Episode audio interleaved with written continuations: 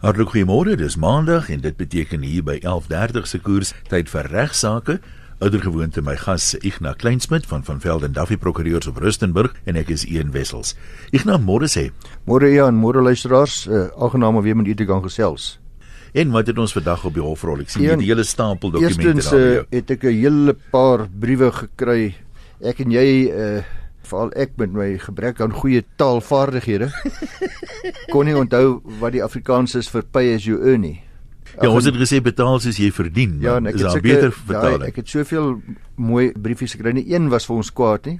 Almal het net gesê, hoorie, dit is uh, dit is die antwoord aan die Jessie het ook gebel, sy is al 80. Sy sê sy het gelukkig nie 'n prokureur nodig nie. Ek dink sy is seker gelukkig, maar sy sê dit is die lopende betaalstelsel, LBS. So pay as you earn is LBS, die lopende betaalstelsel. So in die toekoms gaan ek praat van LBS. Dan Ian, uh, ons het nasionale testamente week elke jaar. Dit is nou die prokureursorde van Suid-Afrika, al die provinsies oral en dit is hierdie jaar van die 11de tot die 15de September. Ek dink luisteraars maak regtig baie mooi gebruik daarvan al die mense in Suid-Afrika. Ons firma spesifiek kry 'n hele klomp navrae en ek glo ander mense wat prokureurs wat deelneem ook. So skakel u prokureur, hoor of hulle deelneem aan hierdie LSSA Nasionale Testamente Week van die 11de tot die 15de September. Die gedagte is om prokureurs natuurlik te bemark wat betref testamente, maar die gedagte is eintlik dat daar 'n basiese testament vir die opgestel kan word sonder enige kostes. Hulle gaan ook vir die konsultasie gee wat sê dis die redes en dink liewers hieraan verander hom bietjie hier wysig bietjie daar. Dis wat die nuwe wetgewing sê wat ook nogal. En dis belangrik mense dink dat die prokureurs wil nou net eksekuteurs word. Dis hoegenaamd nie so nie. Daar spesifieke reël eh, dat 'n prokureur mag nie uh, versoek dat hulle aangestel word as kurators gedurende hierdie testamente week nie let wel dis nie vir ingewikkelde boedelbeplanning nie net vir jou normale goed wat jy graag wil weet hoe jou testament moet beheer. So bel die prokureur 11 tot 15 September. Net die die ander kant van daai saak ook 'n mens verstaan dat prokureurs dit nie mag misbruik nie. Maar as ja. jy nou geen ander opsies het nie en jy voel tog die prokureur lyk vir jou na ou wat jy kan vertrou, jy wil hom graag eksekuteer maak, ja. mag jy dit steeds doen. O ja, absoluut. Uh, dit dit dit is verseker so dat jy mag dit doen, want dan gaan jou eie keuse wees nadat in jou verhoorlik verduidelik is ja. wat die voordele en nadele is en dan is daar ook 'n situasie dat heel dikwels met baie van hierdie mense is dit net 'n kwessie van hulle wil net 'n bietjie raad hê. Hulle wil net hulle self vergewis dat hulle op die regte spoor is met hulle bestaande testament. En dan word die vraag dikwels ook gevra, die bank is die eksekuteur of die of daai is die eksekuteur, kom net daar weer bly, dan gee ons ook vir hulle advies met betrekking tot eksekuteurskap, ook weer voordele, nadele ensovoorts. Ek persoonlik glo absoluut vas daarin. Dit is regtig nie 'n eie belang situasie nie. Dat dit 100 keer beter is om met 'n prokureur of iemand wat jy vertrou en wat jy goed ken, met daai persoon 'n uh, pad te loop teenoor die aanstelling van totaal onbekende koöperatiewe entiteit wat jy nog nooit ontmoet het nie en dalk ook eers nooit oog tot oog gaan sien nie wat in 'n hoofkantoor sit ensovoorts. So dink maar mooi teë. Die ander ding dink ek wat mense nie altyd aan dink nie of dalk dink hulle daaraan, veral op die platteland is dit groot dele is taamlik Afrikaans en jy wil graag weet in 'n tyd as iemand nou oorlede is en jy rou, dan wil 'n mens nie sukkel met 'n taal wat jy dalk nie heeltemal so goed magtig is nie. Ja. En baie van die korporatiewe instellings gaan jy iemand kry as jy moet praat dan nou met 'n ou wat dikwels nie Afrikaans magtig is nie en nou sukkel jy al klaar want jy weet nie wat is die terme in Engels nie so. Dis een faktor nogal wat ek dink vir baie mense swaar weeg dat jy weet hier gaan jy met 'n ou praat wat verstaan wat jy sê en jy kan maklik met hom kommunikeer. Ek dink dis 'n besliste faktor. Ja, dit is ook so dat ek dadelik by sê, daar's van hierdie maatskappye, uh, koöperatiewe entiteite wat regtig goed gerad is wat uitstekende spesialisasie diens gee. My ek uit 'n persoonlike oogpunt uit. Ek dink dit geld vir baie mense. Verkies ek om persoonlike kontak te hê ja. met 'n prokureur. Eh, wat goed opgelei is daarvoor en wat ook spesialiseer op daai gebied. Want alle prokureurs doen dit natuurlik nie. U prokureur sal dalk vir u verwys na 'n ander prokureur toe wat vir u behulpsaam kan wees met goeie deeglike boedelbeplanning. Nou maar reg, kom ons gesels oor ons eerste onderwerp. Briefie gekry 'n paar dae gelede wat sê my rekening was aan 'n prokureur oorhandig. Elke keer as ek bel of e-pos om navraag te doen oor my eie rekening is daar kostes van hulle kant af. Ek wag nou ook lank vir die finale rekening. Nou hoe werk dit? Vra ek doen navraag oor my eie dinge en ek gebruik my geld om hulle te bel, maar dan moet ek die kostes vir my navraag betaal. So hy sê daar was vir hom gesê toe hy navraag gedoen het dat prokureurs dit mag doen en dat daar ook geen vasgestelde bedrag tariewe is nie. Hierdie luisteraar sê hy's Magda Ratman. Die situasie is dat prokureurs as gevolg van uh, die mededingingsraad mag nie vaste tariewe hê nie. Daar moet vrye mededinging wees in die mark met betrekking tot prokurering kliënt tariewe. Dit is wel so dat wat 'n skuldenaar betref is daar 'n paar opsies. Jy weet nie wat daar situasie is nie. Die een is dat ek uh, het 'n skulderkenningsdokument onderteken. Nou die meeste prokureurs, feitelik alle prokureurs as jy by hulle kom en sê jy kan die 1000 rand van hulle kliënt nie betaal nie, dan jy kan afbetaal. Dan sê hulle sê goed, jy kan afbetaal op voorwaarde. Dan aanvaar jy respektelikheid vir al die kostes sodat die kliënt nie benadeel word ja, op enige ja. manier nie, die skuldeiser nie. En daai kostes sal gewoonlik insluit prokurering kliëntkostes as ook 'n uh, invorderingskommissie teen 10% op elke paaiement en natuurlik ook rente teen 'n sekere koers. Daai koers is normaalweg kan nie buitensporig wees nie, maar die punt is wat ek maak, as jy so 'n onderneming geteken het, dan is die enigste vraag wat oorbly nog steeds of daai prokurering kliëntkostes billik en redelik is of die renteberekeninge korrek is. En wat dit betref, sê die wet dat mens mag nie meer verhaal. Sê net maar jy het 1000 rand gehad en jy betaal dit in 100 rand 'n maand of 50 rand 'n maand af. Dit kan nooit hoër styg. Rente ingesluit, kostes ingesluit as 2000 rand nie. Ek het al daaroor voorheen gepraat, daar's allerlei argumente en standpunte daaroor, maar dis die eerste aspek. Prakties wat dit beteken is, u kan vir u prokureur vra, die prokureur wat wie u aan wie u nou betaal. Hy is verplig om aan u 'n behoorlike verrekening te gee anderwoorde om vir u van tyd tot tyd te sê presies wat u skuld presies hoe dit bereken is. As hy dit nie wil doen nie, dan gaan hy maar na sy eie prokureur toe wat hom dan sal verplig en natuurlik is daar nou weer kostes aan verbonde. So die die die maklikste is om die prokureur te gaan spreek en sy dame of sekretaresse sal sonder dat daar kostes gehef word vir u uiteensetting gee van hierdie totale bedrag. As jy daarmee ongelukkig is, dan kan u die prokureursorde in u provinsie nader en vir hulle sê dat u daardie bedrag vasgestel wil hê. U vra eers die prokureur self, meneer, ek, ek soek 'n fooie vasstelling. Ek soek 'n taksasie, dis 'n ander woord daarvoor. Ek wil hê dat die prokureursorde moet bepaal of hierdie bedrag billik of onredelik is en so geval sal die prokureur dan die prokureursorde het kostekomitees wat senior prokureurs is wat dan hierdie rekeninge sal evalueer en beoordeel en takseer. So is remedies as jy dink dat daar word uitgebuit, gaan na die prokureur, die reërsorde toe of gaan sien die eie prokureur. Dan uh een, ek het 'n uh, skrywe geskryf wat jy vir my aangestuur het uh, van 'n kliënt af en uh, jy sê het 'n FB boodskap gekry met 'n navraag oor voertuie se nommerplate. Ja. Ja, jy onthou hierdie persoon is deur verkeersbeampte gewaarsku hier in Gauteng dat uh, sy nommerplaat nie behoorlik wettig is nie. Dat daar net een soort nommerplaat is wat wettig is. Dis die een met metaal met die letters en syfers wat effens uitstaan wat ons almal ken. Uh nou die luisteraar sê dat uh die nommerplaat lyk goedkoop en daar's ander weergawe in in in perspex of plastiek ja. wat baie meer duursaam lyk. Jy sien dit nog op duurder motors soms. Dikwels kom dit voor op die luukse uh, sedans. Die luisteraar vra dan hoekom is dit onwettig as dit inderwaarheid makliker is om te lees? Dit is so. Ek sien ek wonder ook baie dikwels daarvan. Jy kry allerlei Ja, mens kan nou verstaan as die letters te klein is, maar party van hierdie is juis groter as die standaard een. Ja. Nou dis belangrik luisteraars dat u moet weet dat die vereistes vir 'n geldige nommerplaat in Suid-Afrika spesifiek ook in u provinsie uh, baie duidelikheid ingesit word. Indien jou nommerplaat nie aan die regte vereistes voldoen nie, dan kan jy beslis beboet word uh, deur 'n verkeersbeampte. Hoe goed die wetstoepassing is in hierdie verband weet ek nie, maar die verskaffers van nommerplate sal uiteraard ook baie goed ingelig wees wat presies die reëls is in u provinsie. Hulle weet dit baie duidelik want hulle maak daai nommerplate volgens daai spesifikasies. Nommerplate moet byvoorbeeld daar slegs 3 grootte skellig in Suid-Afrika.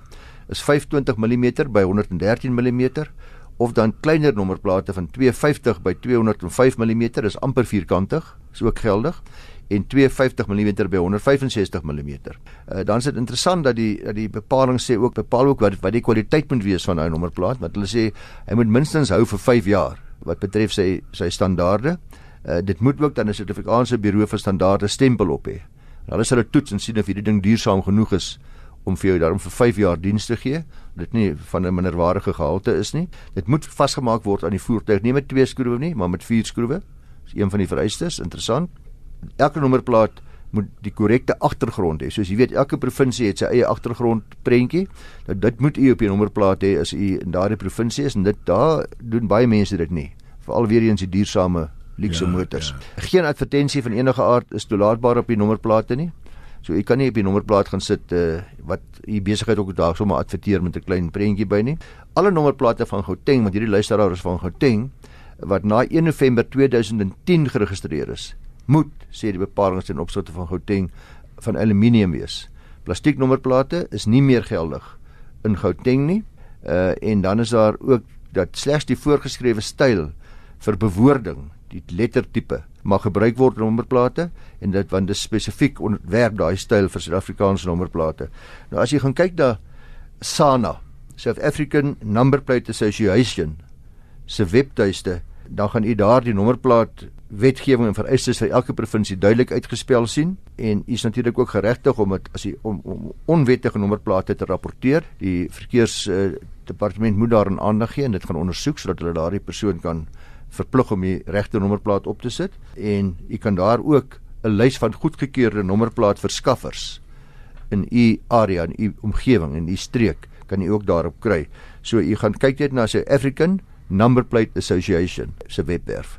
Dis nie deel van die vraag nie, ek net maar ek wonder nou na aanleiding van die advertensieverbod wat jy genoem het. Baie van hierdie individuele nommerplate wat mense nou duurder voorbetaal as jy net daar opsit wat jy wil, het ook natuurlik nou vereistes waar dit moet voldoen, maar mense wil wil dit so gebruik vir advertensies. Sê net maar jy doen tuindienste as jy nommerplaat tuin. Ja. Of as jy ja, ja. prokureur is met wat spesialiseer in egskeidings dan is dit iets so sê maar skei nou GP. Ja. jy mag nie 'n naam noem nie, maar jy mag so iets wel doen. Ek dink daar gaan nie probleem wees nie. Die geïndividualiseerde nommerplate soos jy weet is bietjie duurder en is 'n eie keuse wat net nog nie soortgelyke nommerplate in daai provinsie bestaan nie. Ek dink dan is dit oop vir jou om te sê byvoorbeeld 'n uh, prok. Ja, ja, daar is 'n maklike 168 Noordwes. Dokter, wat ook al. Dokter, wat ook nogal. Dit is altyd vir my lekker om by 'n kar verby te ry en te sien dit is die Sunny of Jimmy of wie ook nog gaan as ek. Hallo Jimmy, hallo Sunny want dit staan op die nommerplaat. Ja. Maar dikwels word Jimmy se kar deur Sunny gery dan. ja, ja, ja. As jy my so 'n nommerplaat oorweeg, ek neem aan daar is 'n webwerf of 'n instansie waar jy eers kan seker maak dis nog nie geneem nie voor jy nou dit laat maak sommer. Ja, ek dink die groot probleem is Ian en dis wat die luisteraar ook sê dat daar's soos in baie met baie ander dinge in Suid-Afrika wat wetstoepassing vereis is daar baie pragtige reëls, pragtige wetgewing, pragtige regulasies, maar die wetstoepassing, die afdwinging daarvan is feitelik nie bestaande. Ek dink dis waarom jy soveel voertuie op die pad sien. Ja. Uh wat deur padblokkades gaan en wat uh deur verkeersmanne gestop word vir allerlei dinge, maar daar word glad nie gekyk wie die nommerplaat voldoen aan die vereistes nie. Jy's net betyds om te hoor hoe Ignas Kleinsmid nog regsvrae beantwoord. Ons het nou 'n bietjie oor invorderings en kostes gepraat en ons het ook 'n baie interessante brief gekry. Nico sê baie dankie. Ek het vir hom 'n sekere reaksie gegee. Hy sê ek luister baie dikwels na julle program, vind dit baie interessant. Uh, ek het onlangs in die media gehoor van 'n tipe skuldamnestie wat deur nuwe wetgewing voorgestel word of ingestel is. Dan sê ek het vroeër 'n plotjie grond deur die bank deur Absa in Pretoria gekoop. My besigheid het in 'n moeilikheid gekom en ek kon nie paemente bekostig nie. Ek het by die bank onderhandel, uiteindelik uh, by ooreenkomste is die plot op 'n veiling verkoop moes die verskil per ooreenkoms terugbetaal. Dis my nou normale situasie.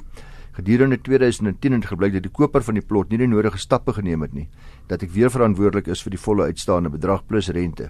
Hy sê hy kon dit nie bybring nie en die bank het 'n plot vir die kwart van sy waardasie aan 'n ander persoon verkoop so daar's toe eksekusie stappe geneem uiteindelik en hy's ook op die swartlys geplaas. Uh die rente loop nog steeds op. My situasie het dramaties verswak.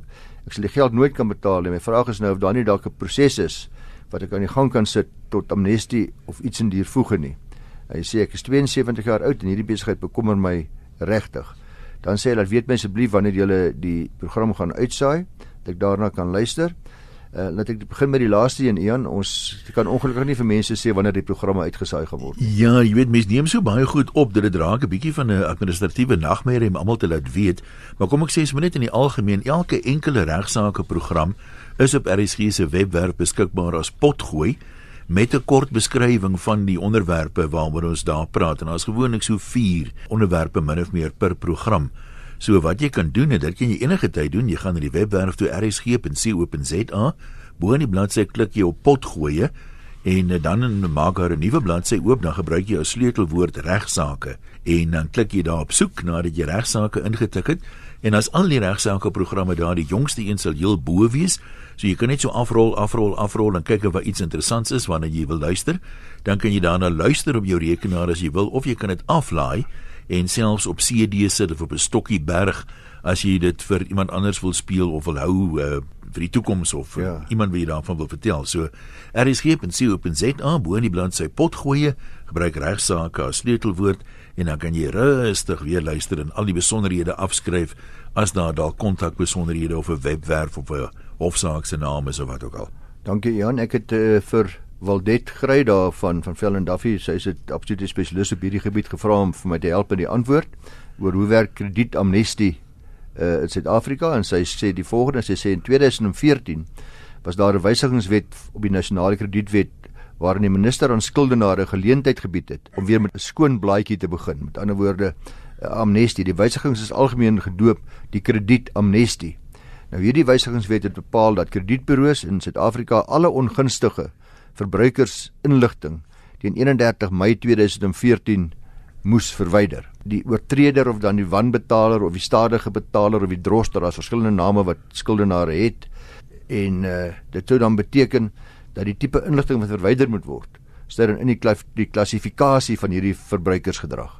Was hy met ander woorde oortreder, het hy net 'n wanbetaler gewees, het hy stadig betaal, of het hy net gevlug en weggeraak, kon hy op, opgespoor word nie. En uh die inligting sluit dan ook in die afdwingingsaksie soos oorhandig vir insameling of regsoptrede of afskryf. Aan die ander woorde in daai kredietinligting kan u sien presies wat die geskiedenis was.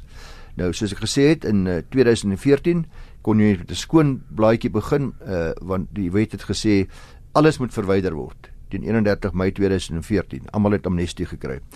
Uh let daarop dat die blote verwydering van die rekord nie beteken dat die skuld nie meer betaalbaar was nie. Dis net jy word nie meer so jy word nie meer op die swartlys geplaas nie. Uh die skuld bly betaalbaar, net die rekord is geskraap. Nou na 31 of sedert 31 Mei 2014 uh, om nader te kom aan ons luisteraars se vraag kon verstek inskrywings weer normaal teen 'n skuldenaar se naam genoteer word. En moet die bureau slegs die negatiewe inligting verwyder sodra die skuldenaar die agterstallige bedrag vereffen het.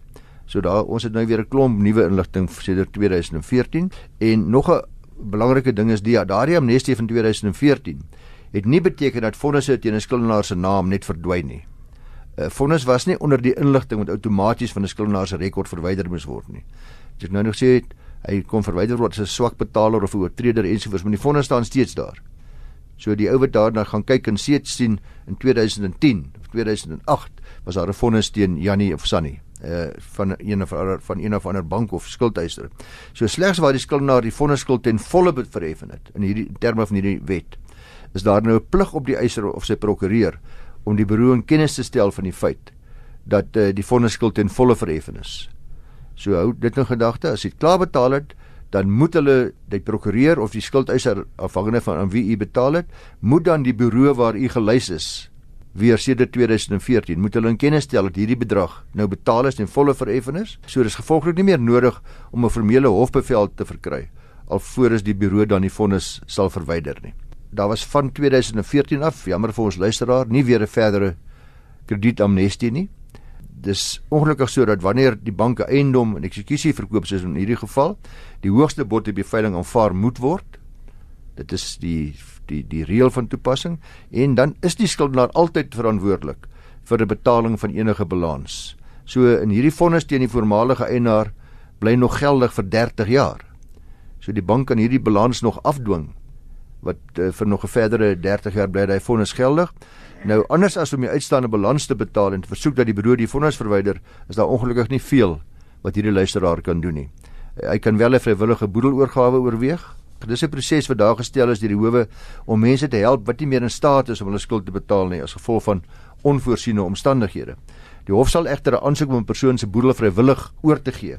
Slegs aanvaar as die hof oortuig daarvan is dat die persoon inderdaad insolvent is, met ander woorde dat sy laste, sy bates oorskry en tweedens dat daar 'n daadwerklike voordeel vir die persoon se skuldeisers is indien hy gesekwestreer word, dat die realisering van die persoon se bates dus genoegsaam sal wees al sy bates om daarom die administrasiekoste en die bereddering van die boedel te delg. Nou, nadele wat 'n boedeloorgawe meebring is uiteraard dat jy insolvent is nou, jy is bankrot. En uh totdat jy weer gerehabiliteer is, en tydens daardie tyd uh, sal jy nie kredietwaardig wees nie. Min mense sal met u sal vir u krediet gee van enige aard en uh, jy mag dan met ander woorde geen skuld aangaan. Nou die enigste manier om jou kredietrekord weer skoon te kry is daarom na nadat 4 jaar van insolventie verby is, dan kan jy aansoek doen vir rehabilitasie by uh, dieselfde hof waar jy in jy gesekestreer is of jou boedel oorgegee het. Andersins sal jy vir 'n tydperk van 10 jaar nie kredietwaardig wees nie want daarna word jy outomaties beskou as gerehabiliteer. Maar luisteraars, ek sal uh, normaalweg as hierdie persoon my kom sien in my kantoor of in 'n prokureur se kantoor, dan sal hy normaalweg sal hy dan uh, aan die krediteur jou hagtelike en benarde finansiële situasie behoorlik uiteensit en verduidelik met 'n brief. Sê hoorie meneer, hier is my kliënt. Dis sy finansiële situasie. Hy skuld al 'n miljoen rand. Hy het niks meer nie, sy huis is verkoop. Al wat hy het is 'n ou krok volksie. Of wat ek nogal. Hy het 1000 rand se bates en jy wil 'n miljoen rand by hom hê. Gaan nie werk nie en dan ook kan jy hom maar sê vir die skuldeiser, jy is welkom om aansoek te doen vir sekwestrasie as jy as jy jou geld wil mors. Maar kan nou vir jou sê dat gaan nie voordeel skuldeisers ja. wees nie. So is aan een kant te pleidooi dat ons nie onnodige kostes moet aangaan vir die skuldeiser of vir die skuldenaar nie, omdat daar geen redelike vooruitsig is op suksesvolle terugbetaling nie. Die persoon is 75 jaar oud, 72 jaar oud, uh, hy het nie meer 'n inkomste nie, 'n pensioen is skarig, so sy situasie het dramaties verander en ek kan nou al vir u sê by verreweg die meeste gesofistikeerde skuldeisers sal dan besluit om dan maar handdoek in te gooi. Want hulle nie wil 'n dooie perd opsaal nie. Sal die skuld dan formeel afgeskryf word of nee, wat wat nee. wat gebeur as as die krediteur nou tegemoetkomend is? Nee, nee, die skuldeiser sal net dood eenvoudig nie verder gaan met die regsaksie teen jou nie, maar jou vonnis sal teen jou bly staan. Ja. Om ander skuldeisers te waarsku. Soos ek nou nou gesê het, jy weet op jou op jou Kom ons kom ons sê die die die skuldenaar sterf nou en hy het 'n miljoen rand se lewensversekering. Die uitstaande skuld gaan nou deel vorm van die boedel en kan verhaal word daarvan. Ja, as daai lewensversekering nie gesedeer is ja, aan 'n perso ja. persoon is dit in die boedel ingaan, jy hou altyd jou jou jou jou reg om nog steeds te eis ook van die uh, bestorwe boedel. En dis wat baie mense ook nie verstaan nie. Een is 'n goeie vraag. Jy sal byvoorbeeld studente kry wat beurslenings aangegaan het. Dan sal hy dan moet hy nou terugbetaal. Hy het vir 5 jaar was iemand vir hom goed en hy het nou 200 000 rand studieskuld en dan of raak hy net weg uh jy dagvaar hom en dan sê dan kom hy vir jou sê nee, hy kan nie betaal nie want hy het nog nie 'n werk nie. Of hy, sy inkomste is nie. Nou al wat jy doen is uh jy dagboek wanneer hy leer vir 'n volgende jaar of 2 doen dan weer ondersoek na sy bates en laste met ander woorde 'n uh, 'n uh, uh, onder andere 'n uh, aktes ondersoek of hy onroerende eiendom het. En die dag as hy onroerende eiendom koop die volgende dag tot sy skok kom hy agter maar die fondse staan nog teen hom en dan word dit weer afgedwing. So slim vang dikwels sy baas deur mense wat uh, wat dink hulle gaan van hulle skuld ontslaa raak. Die laaste ding wat ek wil sê is net artikel 65 stappe. Kom ons sê nou maar die die krediteur in hierdie geval die bank besluit dat dit nie die moeite werd is om voort te gaan teen ons luisteraar met verdere stappe nie. Nou hulle nou hierdie pleidooi gekry het, die roerende pleidooi deur die prokureur of deur die skuldenaar self, uh daai hulle gaan sy situasie verduidelik het, dan kan die bank ook besluit om in plaas van eksekusie te hef want dis nou daar is eintlik nou nie bates nie of hulle het reeds 'n hulle bona relaas gekry dit beteken geen roerende bates ook nie kan hulle voortgaan met 'n finansiële ondersoek. Dit noem ons artikel 65 stappe. Die hof sal dan kyk na die inkomste en uitgawes en dan besluit of daar 'n oorskot is wat dan 'n maandelikse paemente terugbetaal kan word. As daar geen sodanige oorskot is nadat daar voorsiening gemaak is vir jou noodsaaklike huishoudelike behoeftes nie, dan is jy maar weer terug op die situasie waar daar eintlik niks verder is wat gedoen kan word nie.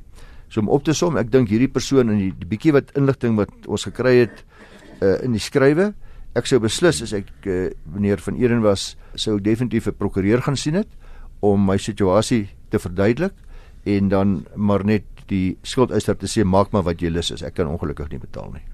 Dink nie ons kan tyd hê vir nog 'n onderwerp nie, miskien 'n geleentheid om net weer te sê, as jy 'n vraag het wat jy wil hê Ignas moet beantwoord, kan jy dit direk vir hom stuur. My e-posadres is igna@ffd.co.za. Hou net in gedagte dat ons gebruik die program, die Prokureursorde maak regsaake moontlik, maar die idee agter die program is om luisteraars oor die algemeen te bemagtig. Die idee is nie dat Ignas kan betrokke raak persoonlik en namens jou in die hof verskyn en briewe rig oor allerlei dinge en so aan nie dit sou net menslik onmoontlik gewees het vir 'n ou op nasionale radio om dit vir almal te doen. So baie dankie vir jou begrip wat dit betref, maar ons gebruik meestal luisteraars se vrae om so 'n bietjie weier te gesels sodat almal daarbey kan baat vind. Stuur jou vrae vir Igna by igna by ffd.co.za. Soos ek gesê het, word regsaake moontlik gemaak deur die Prokureursorde van Suid-Afrika. Sien jou volgende maandag 11:30.